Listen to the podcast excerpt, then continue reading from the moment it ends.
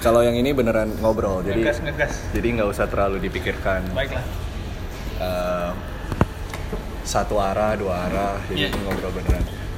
Jadi eh, sebenarnya background dulu nih kan, Bang Ali ini eh, sudah pernah kuliah di luar negeri, kembali ke Indonesia, sekarang sudah menikah. alhamdulillah ada yang mau Ada yang mau. Itu sepertinya prestasi paling paling dibanggakan Achievement dari paling besar dalam hidup saya kalau ditanya dalam pekerjaan interview kerja sukses terbesar dalam sukses hidup. terbesar dalam hidup adalah menikah Ah, Dan lebih sukses lagi sudah punya anak. Gitu. alhamdulillah Jadi dengan segitu banyaknya sekarang tanggungan, boleh diceritain dulu sekarang Bang Ali kesibukannya apa saja? Sibukannya sekarang ngatain mahasiswa Oke.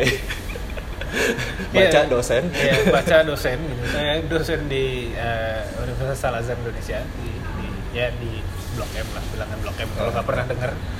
Eh, kalau ngomong sama orang luar ngajar di mana di Al Azhar gitu, dipikirnya Al Azhar Kairo. Gitu. Oh, Ada. Universitas Al Azhar Kairo. Perlu saya aminin nggak nih? Hmm, nggak usah deh. Nggak usah, Nggak apa-apa. Kalau di sana yang belajarnya tafsir gitu, Oke, belajarnya oke. ini lain. Ini kan juga tafsir, tafsir di learning. tafsir.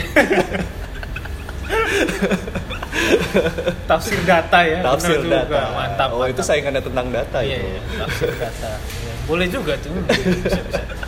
Ya, jadi itu. Tapi eh, itu adalah kesibukan sampingan yang buat main-main, bukan main-main. Ya, saya seneng ngajar, jadi eh, sekarang ngajar. Hmm. Tapi day jobnya utamanya eh, sekarang jadi data scientist di IRI. Hmm. Terus ya main-main data lah. Oke. Sekarang tadi udah sempat uh, bilang kalau sebenarnya seneng ngajar. Ya, Um, sebenarnya yang dicari apa sih dari menjadi dosen? ngatain sempet- mahasiswa. Tadi udah itu, dibilang. itu menyenangkan ya? Iya. Aduh, kalau jawabannya itu selesai podcast kita. Oke, terima kasih. iya, jadi um, yang yang paling saya uh, kagumi adalah uh, pertama dulu lah, pertama dulu. Kenapa memutuskan balik setelah kuliah di luar?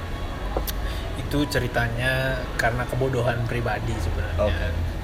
lebih ke idealisme saja dulu sebenarnya kan eh, sebelum ngambil S2 eh, se- kerja sempat kerja dulu terus ada startup lah bareng teman-teman gitu Hmm. nah dulu mimpinya besar tuh dulu pengen mau pulang S2 nih eh, pengen pulang pengen ngegedein startupnya gitu pengen pengen seriusin startupnya Eh, kebetulan masih ada tabungan waktu itu dan Hmm. kan eh, dari beasiswa juga ada dapat duit tambahan gitu. jadi ya udahlah dicoba dulu akhirnya eh, satu karena memang sedang ngajar dan eh, kebetulan waktu itu ada lowongannya Hmm. akhirnya pas pulang yang duluan dikerjain adalah ngajar gitu jadi saya bukan di ini dulu tapi di ngajar dulu Eh, itu mulai ngajar akhir 2016 kalau nggak salah pulang juga kan akhir 2016 Hmm.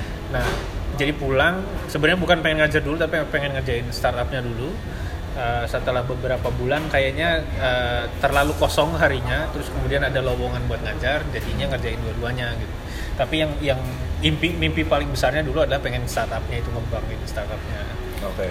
Ternyata reality strikes gitu, dia- startupnya tidak berjalan dengan baik. Maksudnya ya adalah kliennya satu dua gitu, tapi nggak cukup uh, untuk Sustain. sustain, gitu.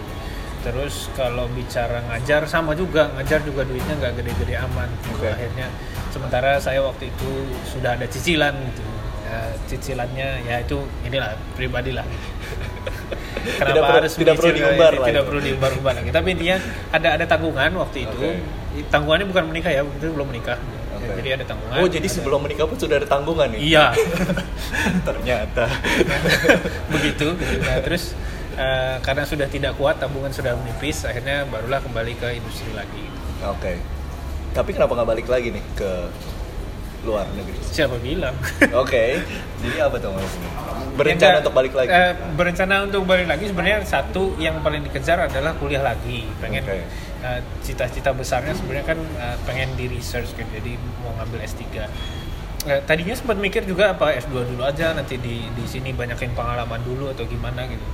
Eh, tapi eh, untuk posisi yang saya cari sebetulnya salah satunya di ngajar tadi S3 itu jadi sesuatu yang penting Hmm. gitu. Jadi nggak bukan sekedar gaya-gayaan lah gitu. Tapi memang eh, kalau mau ngajar kelihatan beneran ngajar ya harus S3 Itu ngajar itu apakah di Indonesia atau di luar? ngajar di Indonesia tapi juga termasuk ke luar gitu dalam artian Oke. eh, ya kalau kalau di Indonesia doang buat S2 sih masih boleh ya sebagai Hmm. dosen gitu. tapi maksudnya kan biar biar eh, terlihat juga di luar gitu artinya eh, gimana bahasanya gini gini mimpi mimpi paling besarnya adalah meningkatkan eh, pendidikan di Indonesia Oke. untuk pendidikan di Indonesia kalau kalau saya bicara nggak usah munafik lah di, di Indonesia orang masih melihat titlenya kalau saya cuma pakai title S2 ke mana-mana Hmm. dan mengaku sebagai dosen saya tetap anak kecil gitu buat mereka Tidak dianggap. tidak dianggap Hmm. jadi ketika udah disematkan nama Doktor Ali gitu nah itu udah jadi Amin. cerita yang berbeda amin itu udah jadi cerita yang berbeda gitu. jadi eh, ya kalau misalnya tadi kalau mau dibilang keluar ya lebih tujuan paling besarnya itu sebenarnya buat kuliah dan untuk Hmm. untuk nyari gelar doktornya tadi Jadi sebenarnya keluar pun dengan alasan pengen tetap mengajar di Indonesia. pada akhirnya Pada iya akhirnya. iya Kenapa sih harus kembali dan mengajar di Indonesia? Eh, nggak saya nggak benar-benar tahu kenapa gitu satu saya memang senang mengajar Oke. senang aja gitu melihat melihat orang mendengarkan terus ada yang mereka bisa ambil hikmahnya gitu. Kayaknya ini juga turunan dari orang tua ya. Saya juga dulu sempat ngajar eh, jadi dosen lah di akademi keperawatan gitu. Kayak beberapa kali di ada universitas gitu, swasta yang mengajar. Eh, itu satu. Yang kedua a- ada satu satu kejadian dalam hidup saya pas Wah. S1 dulu yang membuat eh, apa ya cukup menggerakkan. Oke. bukan kejadian yang heboh-heboh tapi saya waktu itu ngelihat suatu poster di ini seingat saya scene-nya di CC Barat di ITB Oke. di bawah itu kan suka ada banyak poster-poster CC Bar itu gedung di ITB. ya? Iya gedung di ITB. Nah salah satu yang eh, saya lihat di kampus center itu adalah poster tentang Indonesia mengajar waktu itu. Oh. Jadi si poster Indonesia mengajar itu eh, meng- mengutip perkataan Insinyur Soekarno. Dia bilang eh, kewajiban bagi setiap orang yang terdidik adalah mendidik. Jadi eh, ya itu gitu dan dan eh, ketika saya dapat kesempatan untuk S2 kemudian saya menyadari bahwa eh, kayaknya saya perlu apa ya ya ini ini bagian dari balas budinya lah ini Oke. ini yang paling minimal yang Jadi saya sudah merasa ini merupakan tanggung jawab sebenarnya. iya Nah, sorry. Gak apa-apa, ini kan natural. Iya. Mohon maaf, bersin mohon ya. maaf.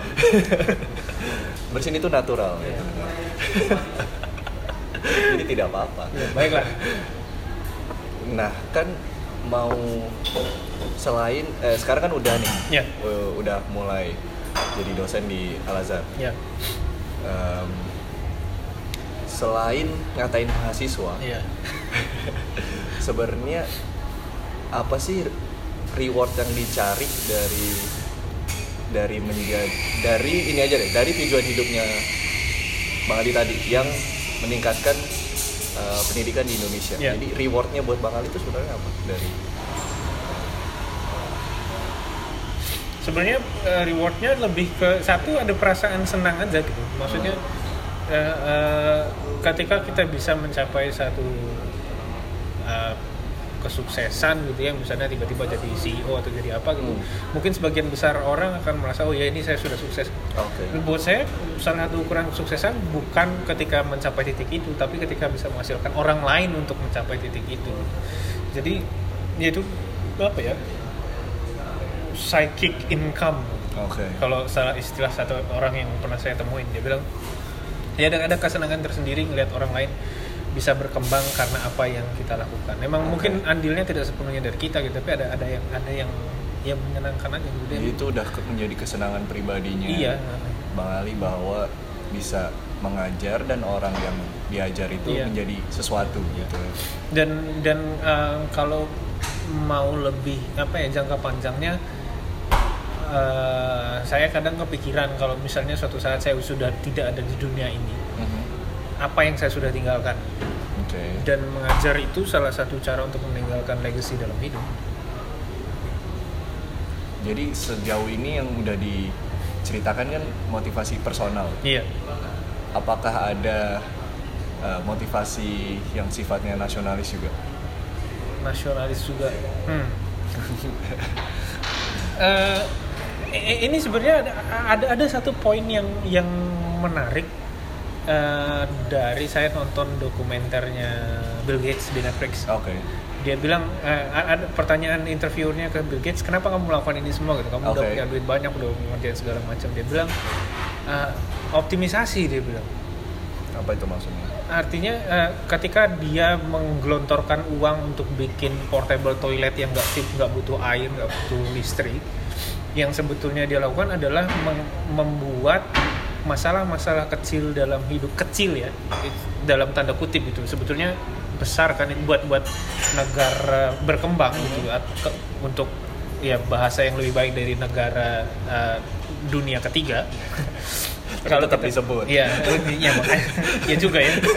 ya tapi ini ya eh, kalau kalau kita bicara masalah negara berkembang kan eh, masalah-masalah kecil itu kalau kita kumpulkan membuat dunia ini tidak bekerja secara optimal. Karena artinya ada orang-orang yang punya potensi yang lebih besar tapi terpaksa berkubang Oh. di hal-hal yang masih kecil-kecil gitu. Eh, salah satu mentor saya pernah bilang kalau kamu mau bikin tim sepak bola bukan tim sepak bola tim olahraga yang bagus yang kamu perlukan cuma satu dua pemain bintang sisanya kamu cuma perlu mereka melakukan apa yang mereka bisa Eh, sesuai standar that's it jadi bukan artinya sebuah kesebelasan yang semuanya pemain bintang. Kalian nggak nggak butuh Real Madrid nggak butuh Bayern Munich gitu. Kalau dilihat juara Liga Champions saja nggak nggak semuanya pemain bintang kan? Ini mentornya ini yang disebut itu Jose Mourinho ya? Iya, betul sekali gitu. Kebetulan baru ditunjuk sebagai pelatih dari pip gitu ya. oke oke. Jadi apa tuh hubungannya dengan nasionalis? Ya hubungannya dengan nasionalis sebetulnya eh, ada ada perasaan gregetan aja gitu ketika melihat ini di negara sebesar ini kok semuanya terpusat ke satu daerah aja gitu. Kita tidak bisa mencapai titik yang lebih optimal ya karena Oke. tadi ada masalah-masalah yang lebih kecil yang harusnya bisa diselesaikan dengan pendidikan. Walaupun ini jangka panjang ya, pendidikan itu nggak pernah jangka pendek. Kita baru lihat 20 tahun, 30 tahun kemudian dampaknya gitu. Tapi kalau nggak dilakukan ya nggak bisa gitu. Dan uh, di posisi saya sekarang terlalu muluk-muluk untuk mengubah semuanya. Oke. Uh, jadi yang paling tidak saya bisa lakukan adalah yang ngajar sendiri. Jadi dari yang saya ajar uh, me- me- apa ya men- menarik atau mengembangkan motivasi mereka mereka punya dunia cakrawalanya jadi lebih luas gitu. Bahwa oh ada lagi di luar sana yang saya belum sempat eksplorasi gitu. Jadi kadang-kadang kalau saya ngatain mahasiswa tuh lebih ke bilang bahwa sadarilah kamu tuh kecil banget di dunia ini gitu. Dan ada Hmm. banyak banget hal di luar sana yang kamu perlu pelajarin. Dan ketika mereka udah menyadari itu, harapan saya ya mereka menularkan itu ke teman-teman yang lain, ke adik-adik kelasnya, ke memulai gelombang mau gitu. iya memulai gelombangnya gitu. Tapi paling enggak ya itu tadi dimulai dari sesuatu yang kecil yaitu ngajar. dan ada kepuasan di situ Iya. Sejauh ini gimana apakah sudah melihat gelombang itu Oh tentu mulai- saja stres. kenapa tuh Kalau enggak nggak ada ngatain mahasiswa dong. tapi gelombang itu sejauh ini kan udah mulai nih Iya. di percikan Iya. apakah terlihat itu gelombang Iya. itu mulai Oke, eh, kalau kita bicara tadi kan kalau kita bicara pendidikan itu efeknya selalu jangka panjang. Saya nggak bisa bilang eh, sekarang udah terlihat yang besar-besar gitu. Tapi sebetulnya kalau mau dibilang eh, kesenangan pribadinya gitu ya atau gelombang itu eh, itu selalu dimulai dari hal-hal yang kecil. Ketika kita ngajarin orang eh, kesuksesan kecil atau ya kecil bagi kita gitu besar bagi eh, murid kita gitu itu sesuatu yang sangat menyenangkan gitu. Hmm. ada mahasiswa saya eh, waktu itu kuliah eh, nilainya eh, nggak begitu bagus lah gitu dia dia well bagus sih sebenarnya hitungannya gitu tapi eh, itu standarnya sedikit diturunkan gitu. Cuman maksudnya di awal-awal dan dia baru pertama kali ngambil kuliah saya gitu. Jadi kaget lah gitu dengan standar yang berbeda jauh dengan selama ini gitu. Eh, bukan bermaksud mendiskreditkan tapi ya tapi kebayang lah bermaksud pendidikan menyombongkan diri bukan bukan Eh, pendidikan pendidikan swasta di Indonesia gitu kan kita ya jauh lah kalau di, di luar top universities. Bukan maksudnya gimana itu, itu faktanya. Dan kalau kita mau me- mengubah itu ya sadari bahwa fakta itu memang benar. Saya akui kesalahannya dulu baru benar. So anyway eh, si mahasiswa ini waktu itu dikasih tugas eh, kuliah uh, bikin ada scraping lah kemudian ada, ada data mining lah. Saya ngajarin programming Python ngajarin data mining ke si anak-anak ini Uh, mereka ngerjain tugasnya kesulitan sekali. Mereka belum pernah nemuin tugas kayak gitulah selama ini. Uh, uh, tapi kemudian uh, beberapa bulan setelahnya mahasiswa itu datang lagi ke saya. Dia bilang "Uh, Pak saya nggak tahu saya harus senang atau sedih tapi pas saya KP tugas KP saya mirip sekali sama yang bapak tugaskan dulu dia bilang. Hmm. dengerin kayak gitu tuh menyenangkan buat saya gitu. Karena oh ya alhamdulillah kalau gitu berarti emang ada manfaatnya yang diajarin Oke. selama ini.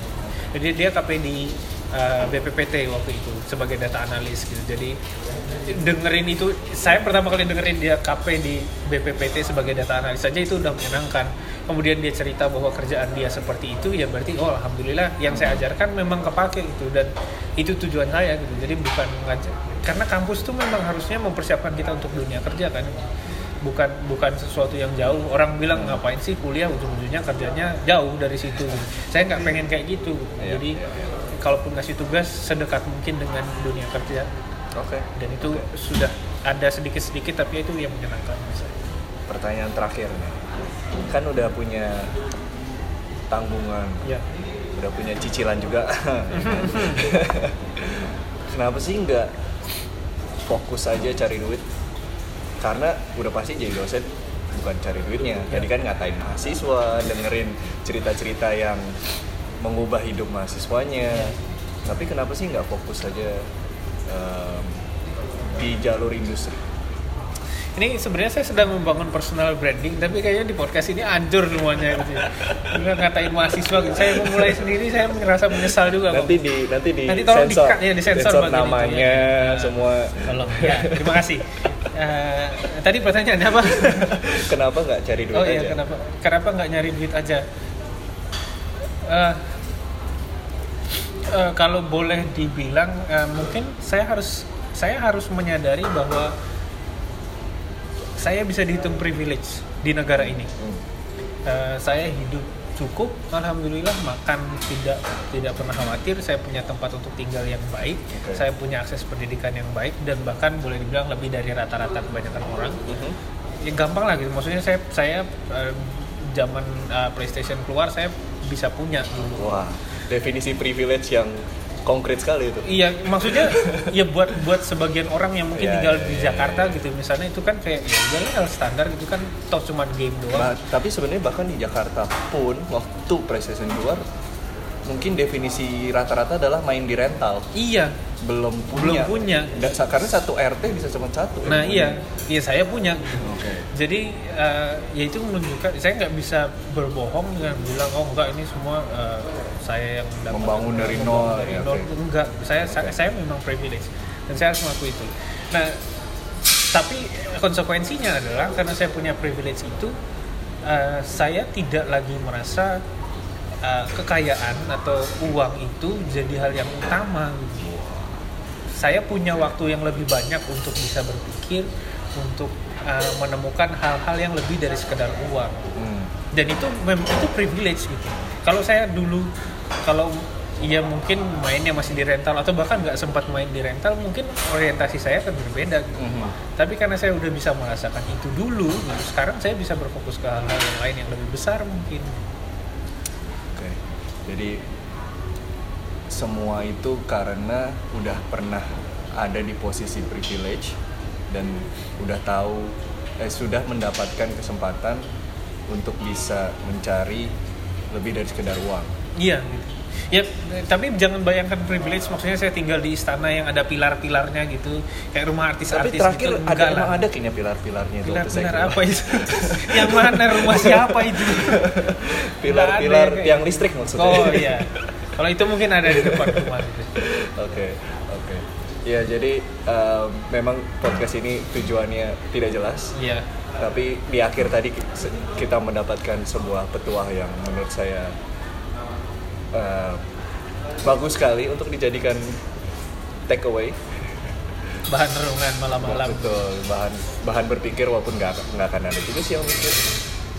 Siapa yang dengerin sampai sejauh ini? Nggak ada kayaknya. Iya, jadi begitu saja ini memang tujuannya merusak personal brandingnya Bang Ali. Baiklah. Jadi, terima kasih loh. Terima kasih sudah mendengarkan kalau ada